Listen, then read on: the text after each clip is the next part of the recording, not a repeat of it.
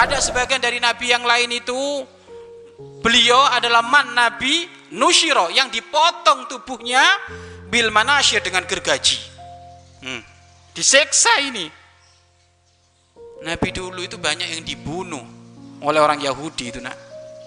Tubuhnya dicapik-capik dengan gergaji.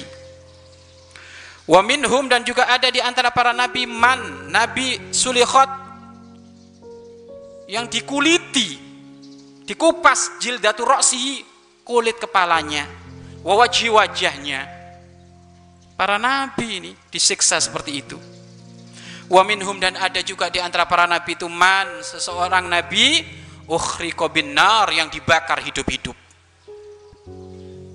Lo kalau kelasnya para rasul, para nabi diuji seperti ini.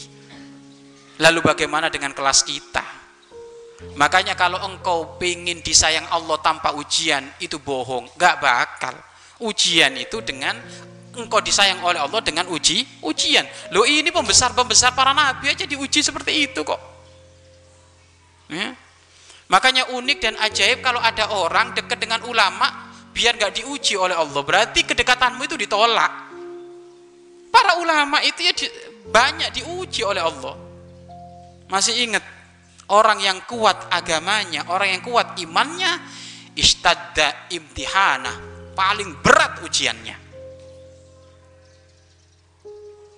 Jadi orang itu kalau makomnya semakin tinggi dalam urusan pangkat agama, otomatis ujiannya paling berat.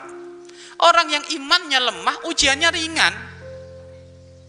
Ujiannya ri, ringan. Nah cerita ini dikisahkan itu apa? Agar supaya engkau tidak banyak mengeluh. Banyak bersa, bersabar. Mungkin ini kelasnya para nabi aja sudah seperti ini. Bagaimana kelas ki?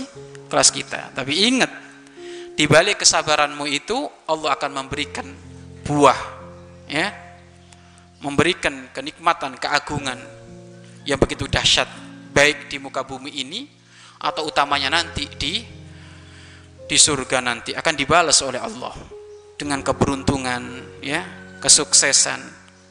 Maka kalau kayak gitu, perbanyak sabar, ya, perbanyak sabar.